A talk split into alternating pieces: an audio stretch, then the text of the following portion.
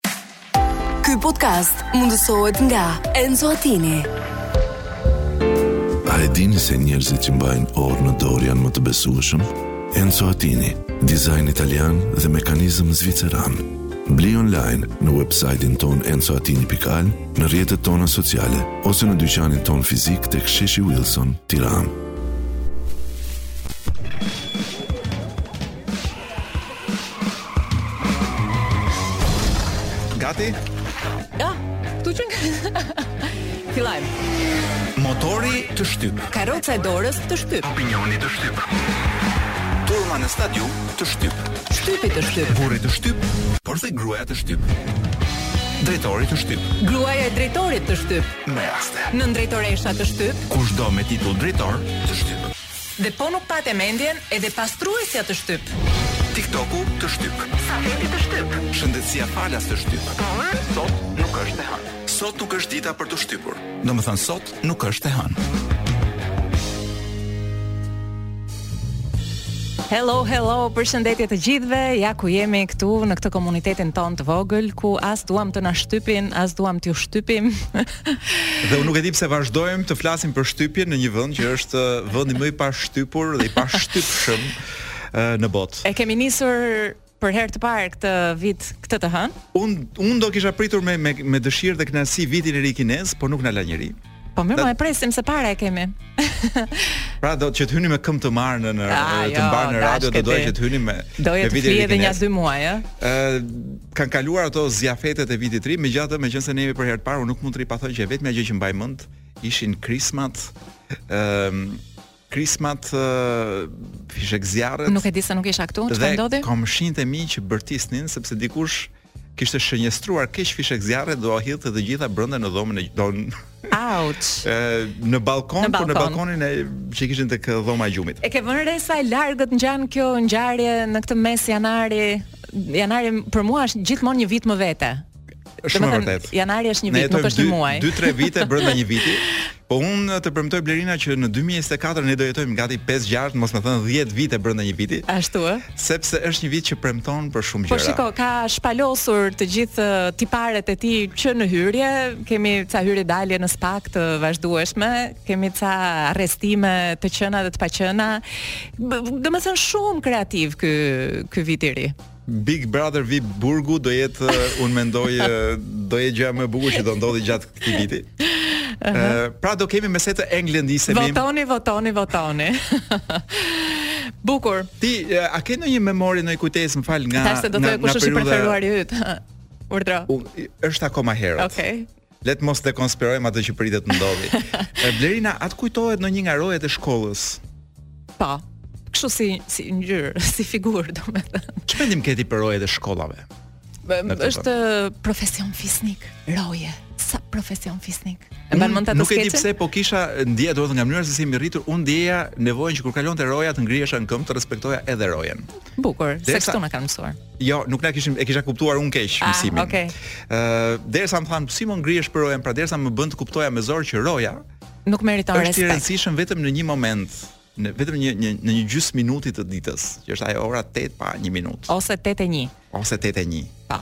Pra po gabova atë gjysëm minutë, e roja bëhet bëhet një një monstër e vërtetë dhe është shumë i rëndësishëm. Përndryshe, roja ishte një qenie për cilën ne nuk duhet të ngriheshim. E gjithë kjo parathënie, parantezë për të thënë çfarë? Për të thënë që e, për herë të parë në, në historinë e radios komerciale shqiptare, uh -huh. do të luajmë një Blind Guardian, që është nuk është thjesht një roje çfarëdo. Uh -huh. E kemi Kloi Blind Guardian apo se mos e fuskot unë, mirë. Mund të jetë ajo e spakut. Është Blind Guardian është roje, por është roje çik i verbër. E 313-s. Dhe është një këngë me fjalën epike është abuzuar shumë këto kohë të fundit. Epike. Po kjo është një këngë vërtet epike ku flet për mbretin, të cilin do ta vrasin me thika. Shqup, shqup, shqup. Jemi rikthyer në këtë të hënë që nuk është e hënë, jo vetëm që nuk është e hënë, por nuk është as e hënë blu.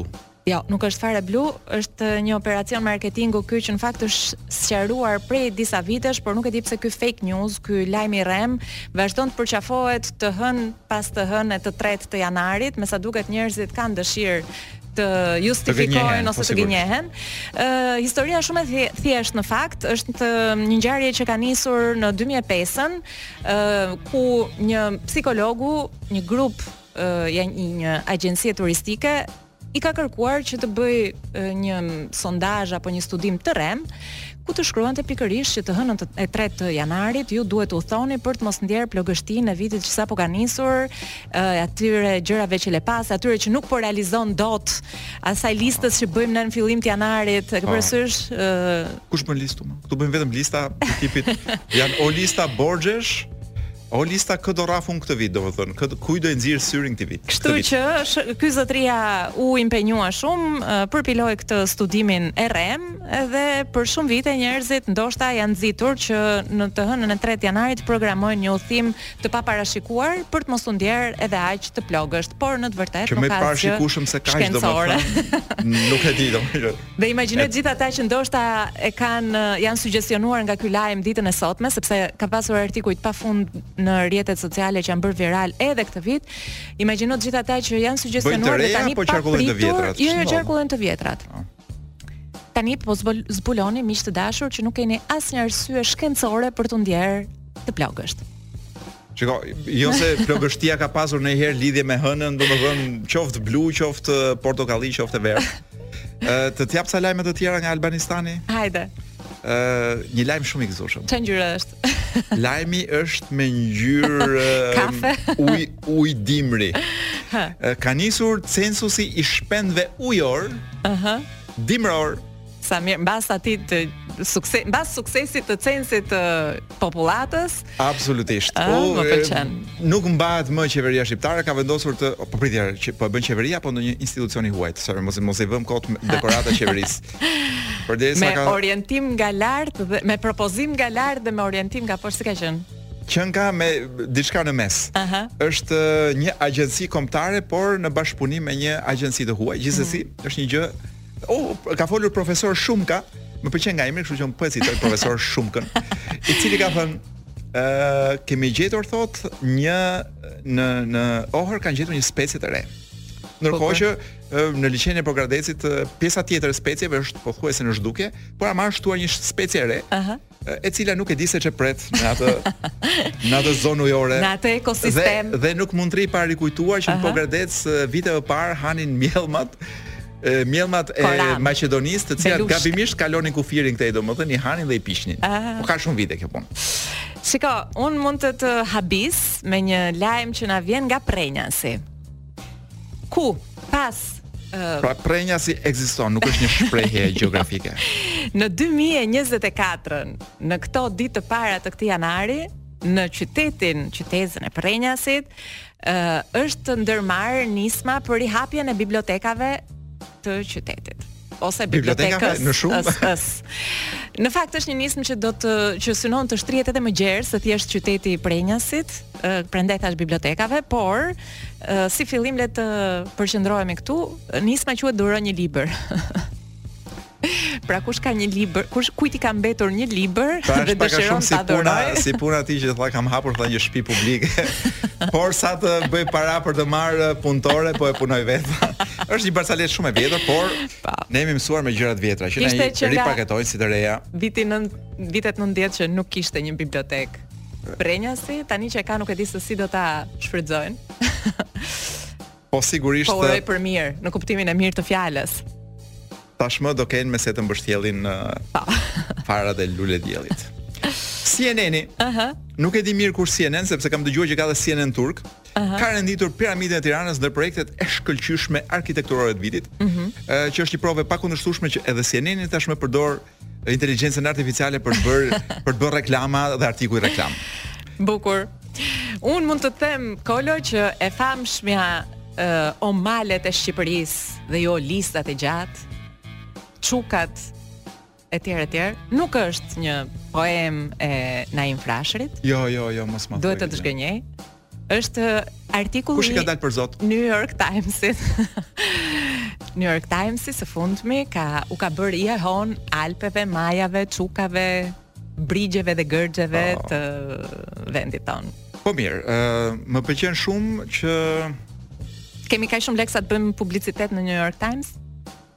Po, që kemi njerëz që na duan të mirën dhe paguajnë nën dorë. Bukur. Ë nuk e di a ke a e ke marr vesh, por uh, u zbulua se si i gjejnë këta njerëzit që ndërtojnë. Ndërtojnë çfarë? Paskan vënë spiun, po këta më që ndërtojnë pa leje. Aha. Uh, paskan vënë spiun, uh, janë shumë të dukshëm. Dhe, dhe ndjekin kush blen tulla. Dhe unë mendoj që është ky momenti që ne të fillojmë trendin e ndërtimit me kallamishte. Ta e të kapin ata nëpër kallamishte duke duke mbledh kallamishte. I ke parasysh ato serialet e Netflixit që thon ndiq paran, ndiq tullën. dhe jo në kuptimin e atyre që vuajnë nga rënja e flokëve. Pata një lloj tendence, domethënë që kur thua ndiq tullën, të të, të ndjekësh pasqyrat që qarkullojnë nëpër jo, qytet. Jo, jo, jo, tullën si material ndërtimi. Dortë tona që ka zbuluar një logo dhe mm, logoja e Akademisë së Manchester City që do të ndërtohet në Durrës. Çfarë më? Po. Po pse? Ë nuk e kam kuptuar akoma pse. Unë mendoj që është një strategji e qeverisë britanike që thotë të ti gënjim shqiptarët se mo, don mos kalojnë La Manshin, të kalojnë Jemi në Durrës. Dgjoj, ma shpjego pak më shkoqur, shkoqitu. Manchester City siç lexoj tek po. ky portali ka vendosur pa. Po. i ka i ka lindur në zemër. Pa. Po. që të Shkollojnë në thonjza se nuk e di domethënë ah, që shkollojnë mirëfilli duhet ta bëjnë kështu të... në faqe muri. Jo, kanë vendosur që të shkollojnë talentet e e Durrësit. E e kuptoj. Por shkollimi vërtet duhet bërë në Peqin në fakt, siç tham, sepse ka dhe bibliotek. Por ka vendosur, më fal, në në Prenjas. Në Peqin ka diçka tjetër, po ta them pastaj. Talente ka dhe atje. Talente vijnë nga Peqini. Dhe meqenëse kjo e hën e pare programit ton, uh, por Në këtë janar të parë të 2024. 2024 dhe ky vit i ri na gjen pa një ministri kulture. Po ç'e ç'e duam? Unë them që i duam të gjitha. S'e kuptoj pse nuk shkrihen të gjitha ministrit. Ne duam vetëm një kryeministri, biles jo tamam kryeministri, por ne duam vetëm një kryeministër. Eksakt. nuk kuptoj akoma ekzistencën e gjithë internet, pra kryeministër me internet, se po ia hoqe internetin nuk e bën dot funksionin e vet, pra nuk e qeveris dot Shqipërinë, po me internet, me WhatsApp edhe me Facebook, unë mendoj që ai njeri, këta njerëz vetëm po e ngadalësojnë Shqipërinë. Nuk kemi nevojë për kabinet ose gabinet, siç thonë. Sepse jo me kot kabineti jashtë shtetit konsiderohet dhe Eksakt. Tualeti. Ë, kështu që na bie disi barra e rëndë të shpërndarjes të kulturës, Kolo.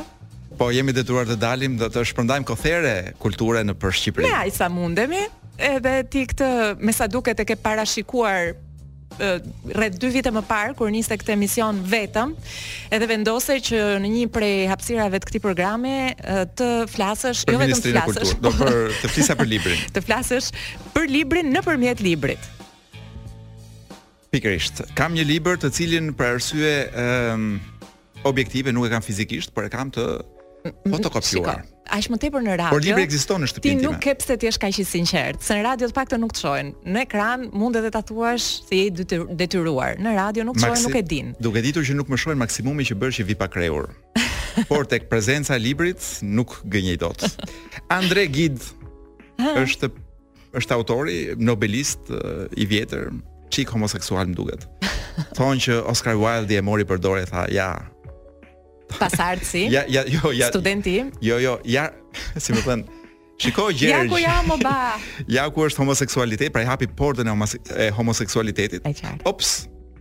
Po si pa shonga? dashje b- për pak dogja fshive. emrin e librit, emri i librit është titulli i librit është Porta e ngushtë, por nuk ishte lidhe me ç'po thoja unë me portën e homoseksualitetit. Përkthyer me mjeshtëri do thoja unë nga Feride Papleka, botuar nga Pika pa sipërfaqe. Ë se sa e ngushtë është kjo portë, ne do ta shohim gjatë leximit të këtij libri. Po e filloj siç e do ndera me një libër serioz, nga kapitulli i parë, faqja numër 13. si me thënë, kaluam këto parathëniet e tjera e tjera. Po. Të tjerë do kishin shkruar mbase një libër, por unë e përjetova aq shumë këtë histori sa më janë shterur të gjitha forcat. Pra, thjesht do t'i hedh në letër kujtimet e mia dhe nëse vende-vende ato do të duken të hallakatura, unë nuk do të mundohem t'i sistemoj për t'i lidhur. Tërë përpjek, përpjekja ime ka të bëjë me kënaqësinë e fundme që shpresoj të gjej duke i treguar. Dhe fillon tregimi. S'kisha mbushur ende 12 vjeç kur vdiq im atë. Mëma, që nuk e mbante më gjë në Havr, ku ai kishte qenë mjek, vendosi të shkonim në Paris duke menduar se atje do të kisha më tepër mundësi për shkollim. Ajo mori një apartament të vogël me qira në afërsi të Luksemburgut, që Miss Ashburtoni erdhi ta ndante me ne. Miss Flora Ashburton, e mbetur fillikat, kishte qenë më parë mësuese e mëmës, pastaj shoqe dhe më në fund u bë mikeshë e saj. Unë jetoja pranë këtyre dy grave fytyrëmbla e të trishtuara, që nuk mund t'i përfytyroj ndryshe, veç me pamje të përzishme. Një ditë, më duket se shumë kohë pasi kishte vdekur im atë, mëma e kishte këmbyer fjongon e zezë të kapelës së mëngjesit me një tjetër ngjyrë mavi. Që do ndërroj në mënyrë elektronike faqen. Aha. O mama, i thirra. Kjo ngjyrë s'të shkon fare. Të nesërmen ajo kishte vënë sërish fjongon e zezë.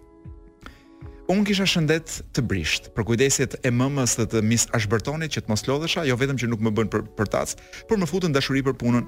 Kur nisën pushimet verore të dyja ato menduan se ishte koha të lija qytetin, që më pinte gjakun. Dhe aty nga mesi i qershorit ne u nisëm për në Fongesmar, në rrethinat e Havrës, ku çdo verë na priste im ungj Bukoleni. Mes një kopshti të vogël dhe jo aq të bukur, që nuk shquhet për asgjë të veçantë nga dhjetra kopshte normane, shtëpia e Bukolenëve, dykatëshe dhe e bardhë, Ngjet shumë me shtëpitë e fshatit të shekullit të kaluar. Nja njëzet dritare bien në krahun lindor përpara kopshtit, po aq dritare ka edhe në krahun perëndimor, por në muret anësore nuk ka. Dritaret janë me xhama të vegjël katror, disa prej tyre sapo i kanë zëvendësuar. Mua më pëlqejnë shumë këto këto uh, përshkrime Drina, sepse unë befas e kam parasysh atë shtëpi. Ëh. Mm Dhe qoftë se autori është i mirë, unë them, nuk dua të jetoj më në shtëpinë time. Dua të shkoj te shtëpia që thotë ky. Po nëse akoma s'kemi arritur te pika që unë dua të ndërroj shtëpi. Kujdes, ajo shtëpi atë derën, portën. Po, porta ishte edhe e ngushtë, thamë, po, titulli i librit. Atëherë, rikapim leximin. Dritaret janë me xhama të vegjël katror, disa prej tyre sapo i kanë zëvendësuar dhe shkëlqejnë nga drita midis xhamave të vjetër, që dallohen prej ngjyrës së gjelbëreme të terratisur. ka edhe xhama me cene që prindërit tanë i quajnë flluska. Nëse vështron një pemë përmes tyre, ajo shtrembërohet. Ose postierit, teksa kalon aty, i bëhet një gungë e madhe. Shumë e lezetshme. Unë kam parasysh një xham të tillë. Ëh. Uh -huh. Te një shtëpi që kam pasur dikur.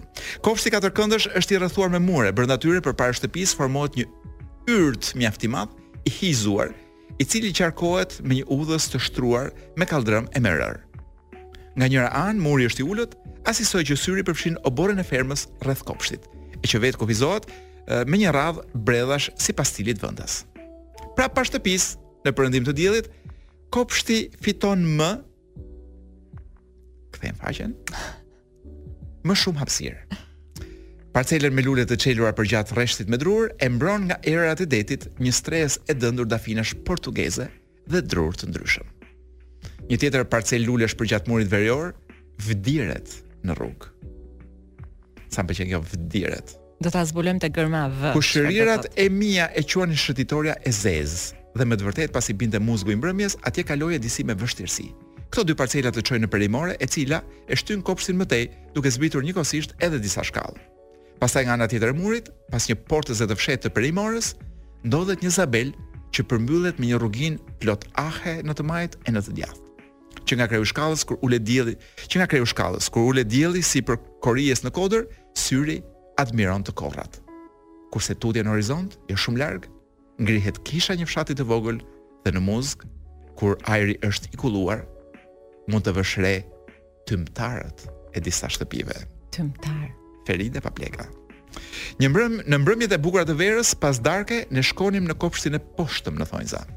Dilnim nga portëza e fshehtë dhe zinim një stol, prej ku zotërohet një pjesë e visores. Më tej, Pranë mbulojës me kashtë të një grope argjili të braktisur, uleshin im ungj, mëma dhe mis Ashbërtoni.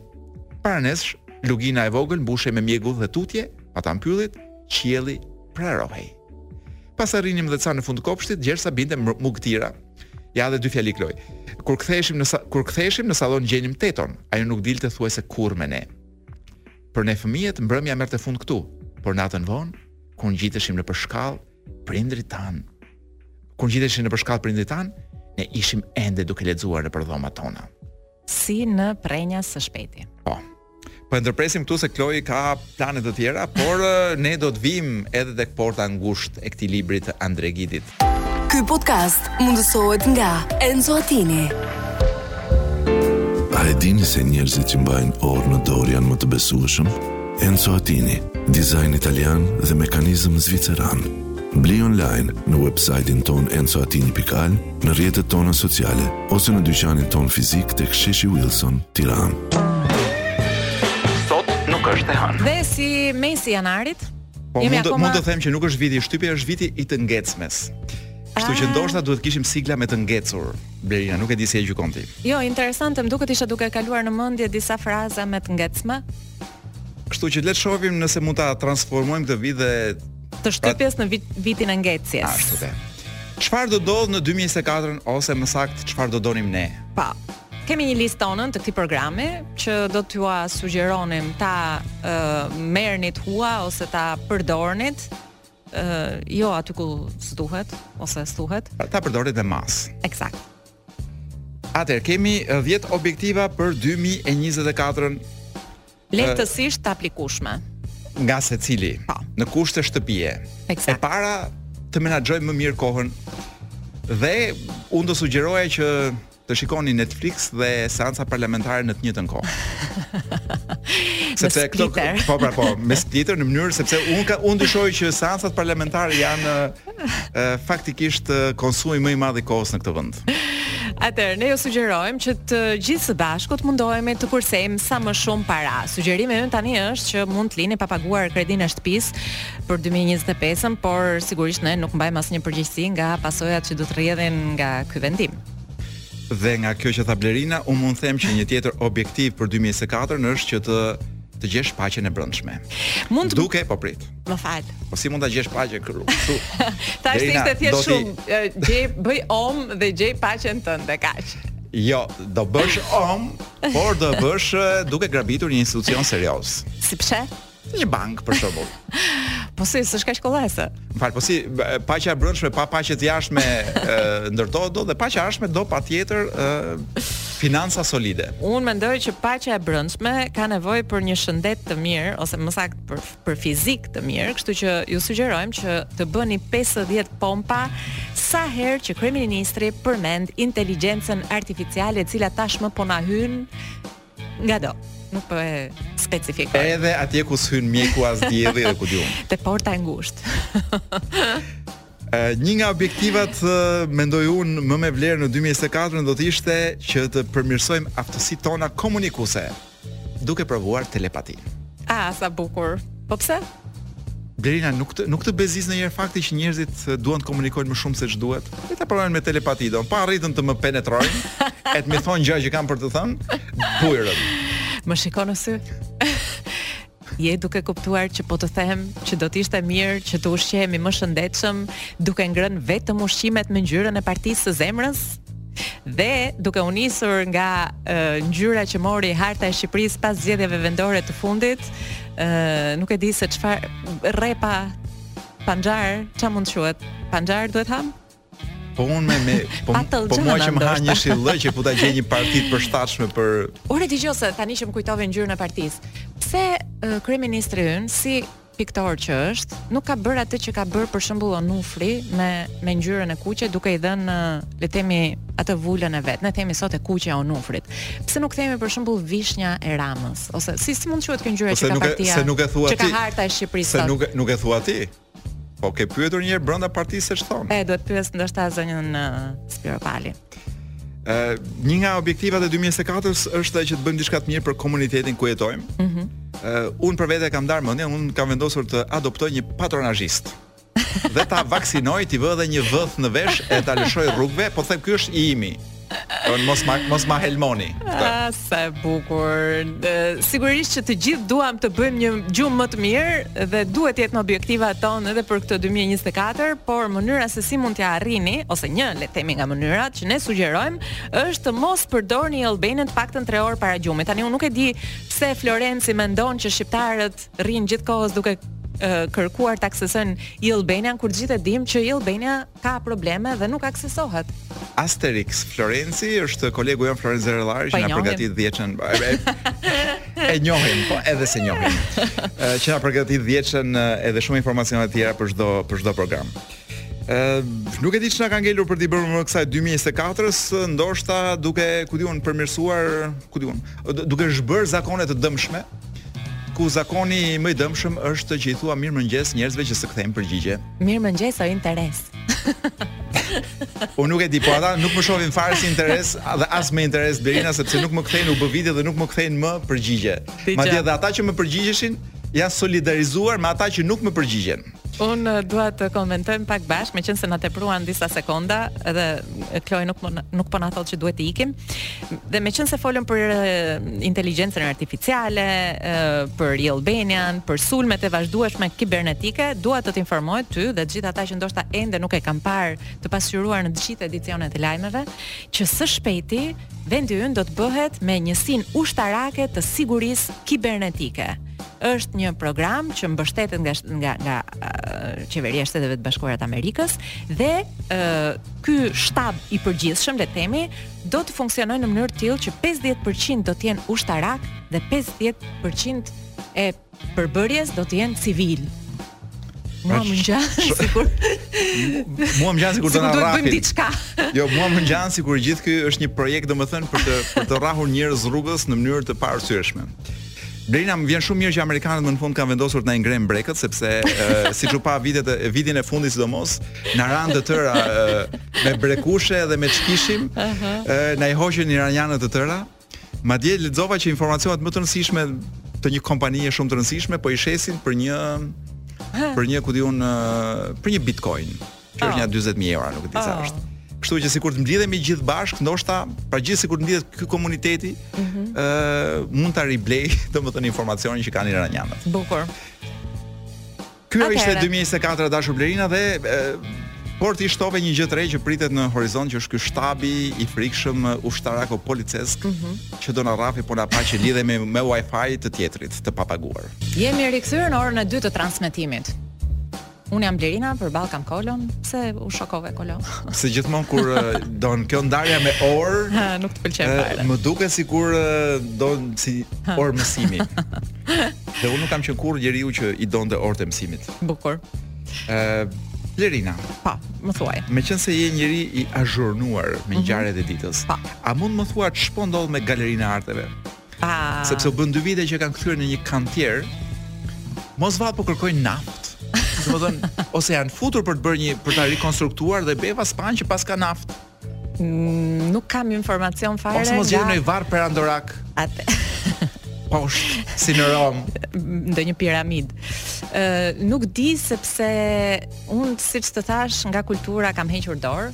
Tani që s'kemi as Ministri Kulture, nuk e kuptoj kujt mund t'i duhet një akademi ose një uh, galeri ose nuk di. Gjithë këto gjërat fare të panevojshme në një vend me një progres të admirueshëm si joni. Eksakt. Pra kur vendi ka një progres të jashtëzakonshëm dhe një zhvillim dhe një bum të madh zhvillimi, sigurisht që librat, kultura, pikturat, galeritë Janë mbeturina të së kaluarës Blerina, le ta themi troç. Nëse më pyet çfarë do të ndërtohet së shpejti në Shqipëri, mund të të jap përgjigje, mund të të them që sot lexova që pritet të ndërtohet një uh, grataçel uh, mbi 200 metra ose rreth 200 do, metra e lartë. Do zoti e bëjnë mu ke galeria.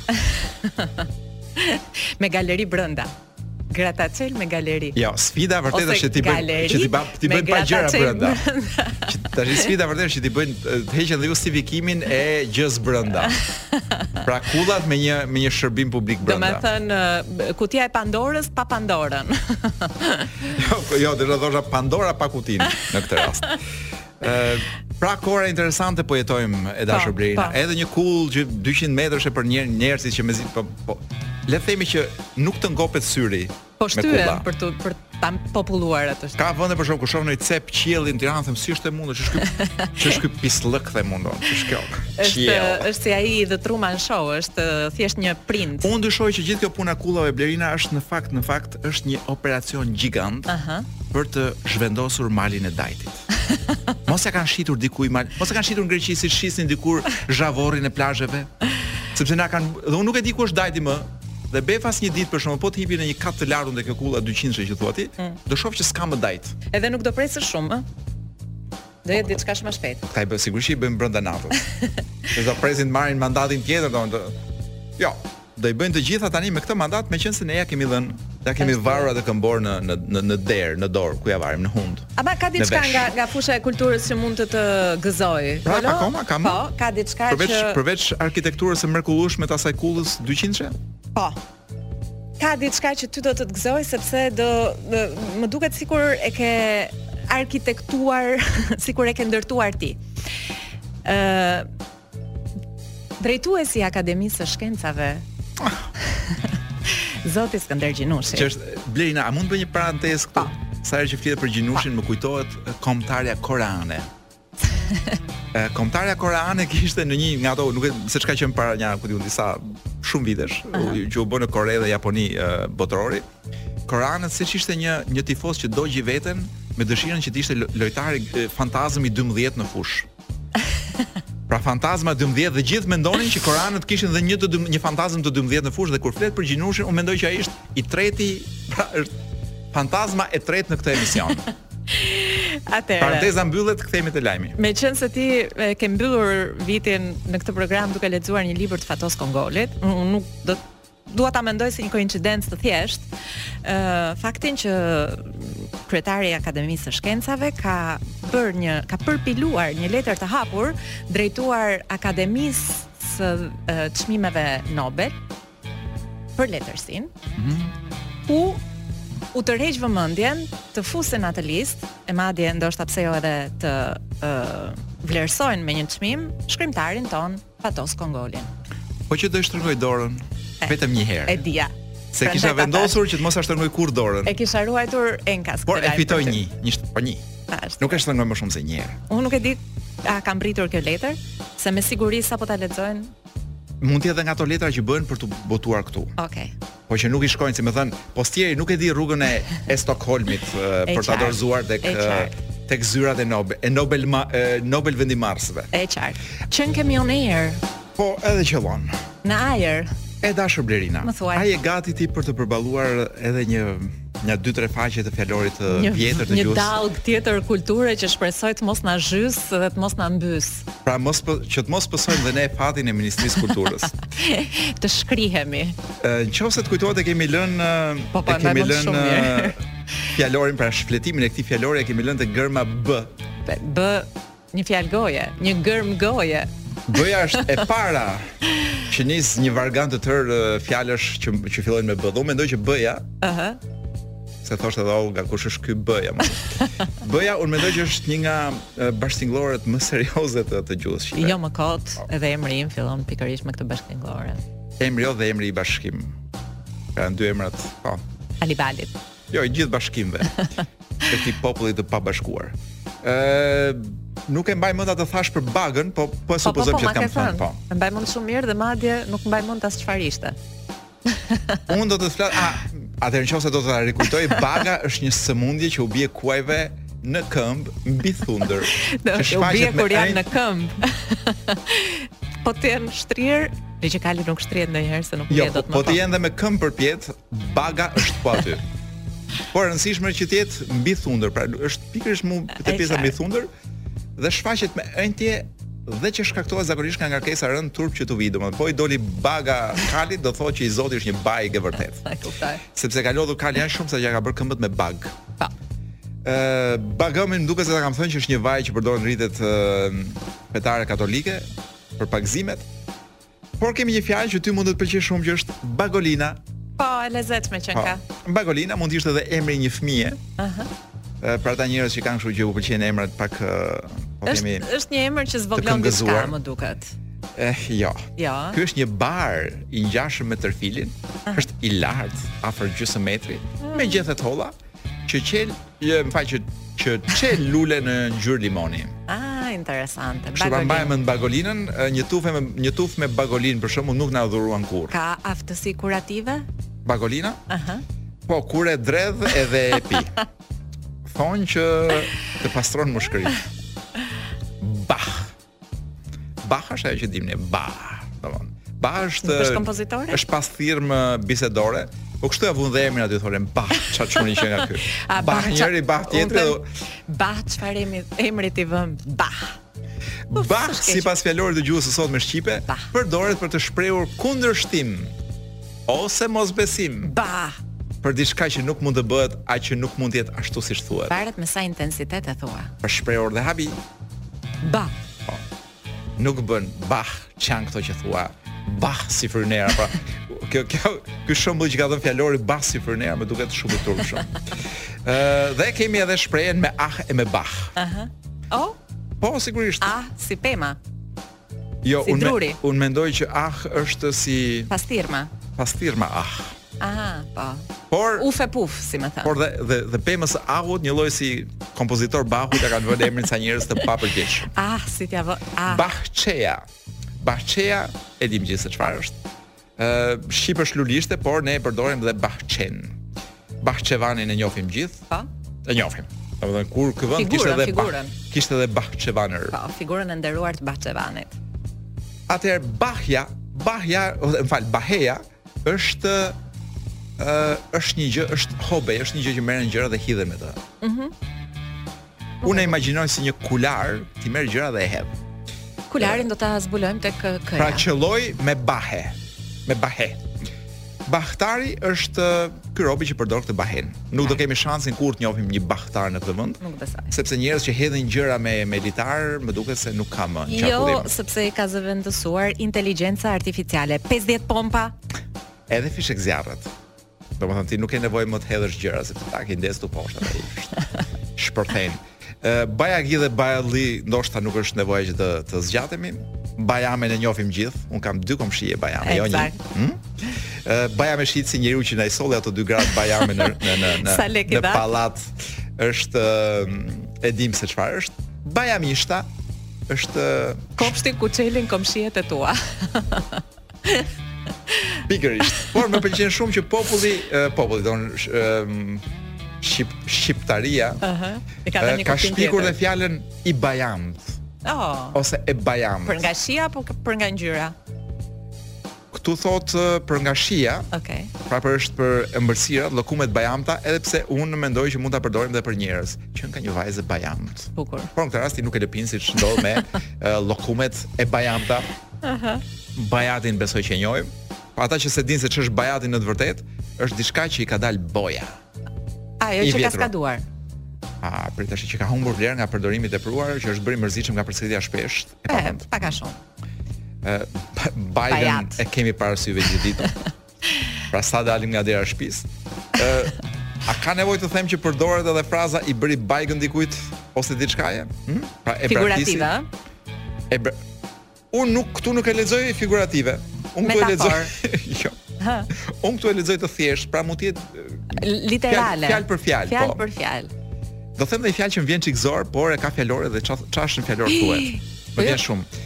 Ë, Nuk e kam lexuar akoma sh, por më fal shpjegimin e kësaj fjale. Fjala vetë është bajgore. bajgorja. Në shumës është bajgore ose bajgoret. Po pse të vjen turp, s'e kuptoj? Pasi ke thënë bajga, domethënë. Bajgorja m'u duk një bajgë ndoshta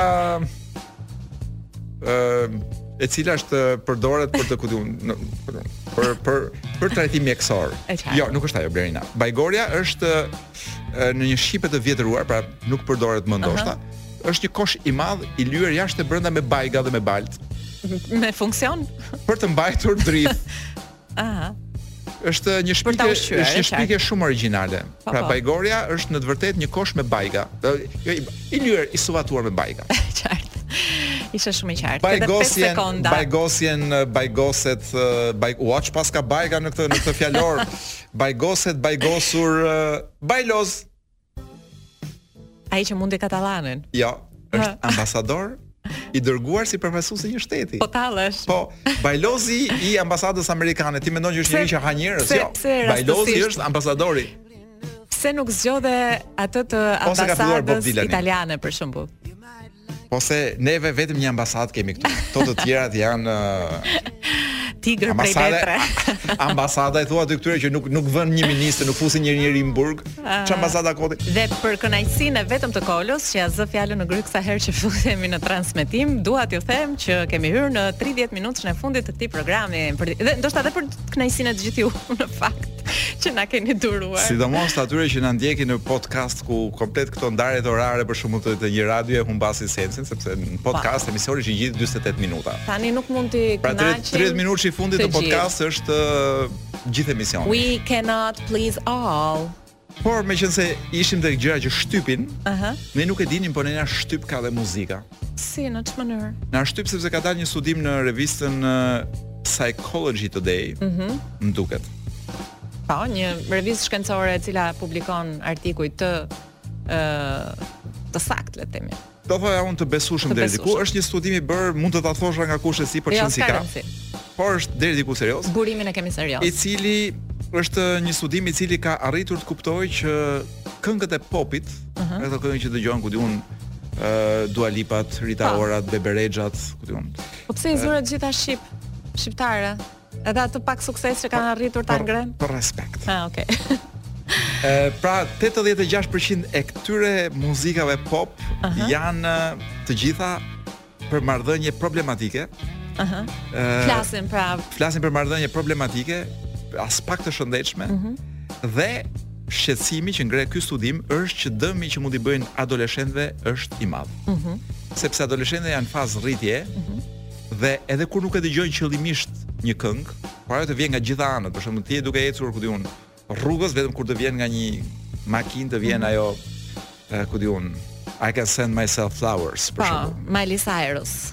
Po, që thot kujt ç'më duhen mua lulet e tua se kam ia ble vet vetes time lulet. Dhe ky adoleshenti mbërrin në shtëpi, një të marr një tuf lule dhe do një kap një gjë që ngjan si tuf lule dhe i hyn babit vetë, shu bam e bum e bam e bum. Ë sepse Tek adoleshentët influenca mund të jetë shumë e dëmshme, uh -huh. sidomos e këtyre teksteve. Uh -huh. Nuk po flasim për për llojin e muzikës, por sidomos e tekstit. Ë, uh, siç thash, ata janë duke u formuar dhe gjëja që ndodh dhe ja të jap edhe çik më shumë shpjegime. Uh -huh. Një nga ë uh, problemet e mëdha në këto lloj tekstesh muzikore është që flasin për atashim ankthioz. Mhm. Uh -huh. Pra ajo që këndon ose ai që këndon është gjithë ankthe mm -hmm. për atë që po e lë, për atë që i ka ikur, për atë që që është ndar, për atë që ndoshta e ka rrahur një herë. Po. Pra është një ankth shumë i madh i cili i përcillet adoleshentit i cili pra ky i fundit, mm -hmm. kupton që bota në cilën po hyn, mm -hmm. është një botë vetëm me ankthe, E më mirë si Miley Cyrus vetëm se sa të lidhesh me dikë që do të bëjë këtë, do të bëjë atë, do të të thyejë zemrën, do të Që në fakt kjo është një teori e vjetër popullore, më mirë vetëm se i keq shoqëruar. Po, më pëlqen që gjithsesi vihet në diskutim një gjë e tillë, ëm, E analoge me këtë më vjen një tjetër pikëpyetje e madhe ose diskutim tjetër që është hapur. Se ne jemi rritur shëndetshëm, ne jemi rritur me këngë, unë të lë pos më leti. ja, ja, këtu ishim. si fëmijë. Këtu ishim goxhat. Më kujtohet kush e këndon dhe çfarë. Ne, ne jemi po. rritur me këngë si zgjodha njerinë.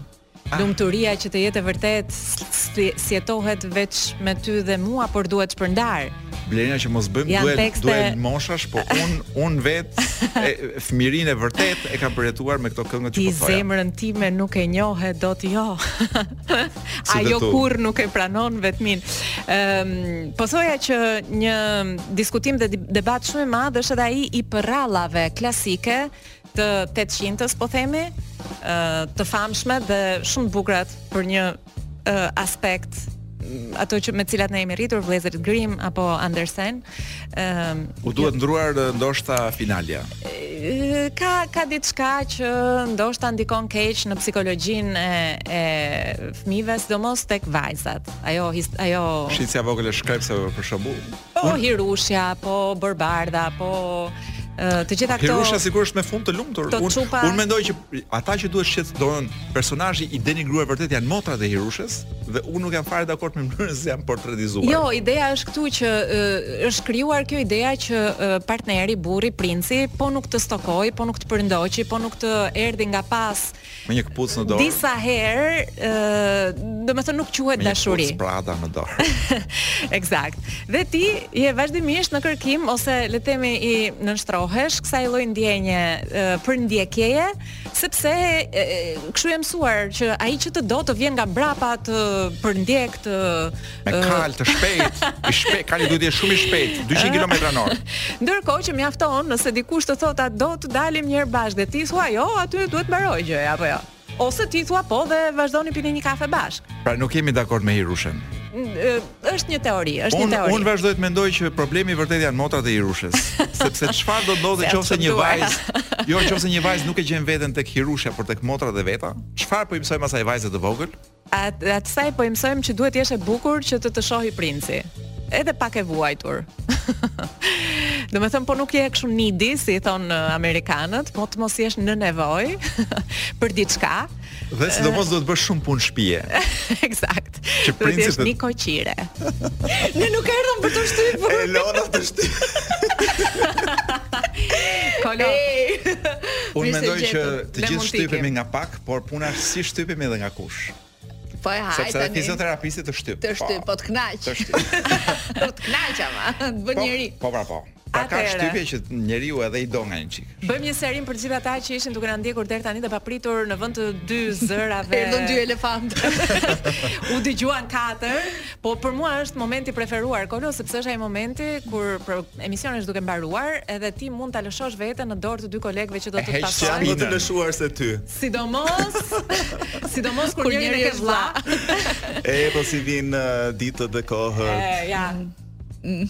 Pra Blerina Shehu dhe Eni, vllai na ka ardhur në kohë. po moj motor. Elona Na ka ardhur Elona Duro, të cilët do të juve keni atë emisionin pasi kam dëgjuar çfarë? Jo, po, me gola, me Ju keni atë të golave, jo? Jo, kemi një gol më të rëndësishëm. Oh. Siç është Big Brother Radio që nis sonte për të përfunduar atëherë kur me kismet do të mbarojë dhe Big Brother.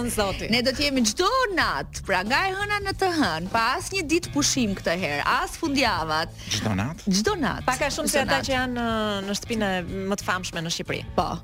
edhe ne jemi dy sy, katër syresh të tjerë që çdo natë do të komentojmë videot më të klikuara, ku di un fotot, memet, uh, uh, 24 orëshin e tyre, po nuk do të jemi vetëm unë dhe Eni, herë pas here do të kemi edhe të ftuar. Për shembull, ja. sot ne nisim me Efin, që mm -hmm. po na pret nga ana tjetër e studios dhe të marrim stafetën pas orës 20. Në fakt nuk jeni vetëm ju të tre, është gjithë Shqipëria që mm. komenton edhe flet për këtë ngjarje kombëtare. Unë mendoj që ky emisioni juaj ka nevojë Vetëm pra për t'u bërë shumë komod që të thurni edhe diçka me shtiza gjatë emisionit. Ky emision ka nevojë që ju të ikni.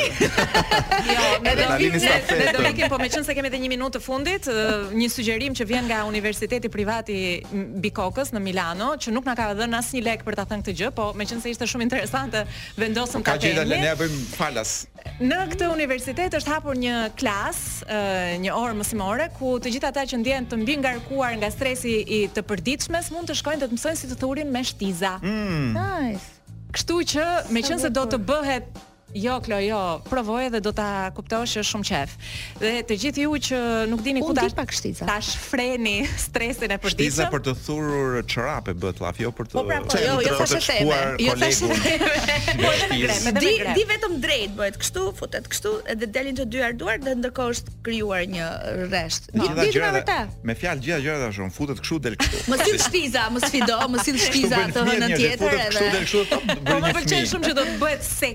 Si thurja me shti, me shtyza, me shtyza. Trendi virale me shtyza. Po ky Eni nuk tha asgjë. Po ç'të them, un po pres e kam marrë me shumë emocione këtë rikthim se që nga edicioni i shkuar rikthehet Big Brother Radio, kështu që mbetet për t'u shijuar i gjithë.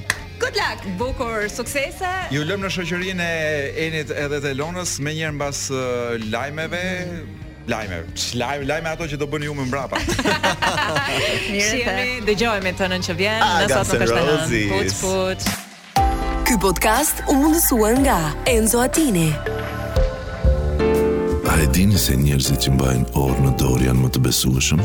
Enzo Attini, dizajn italian dhe mekanizëm zviceran. Bli online në website-in tonë enzoattini.al në rrjetet tona sociale ose në dyqanin tonë fizik tek Sheshi Wilson, Tiranë.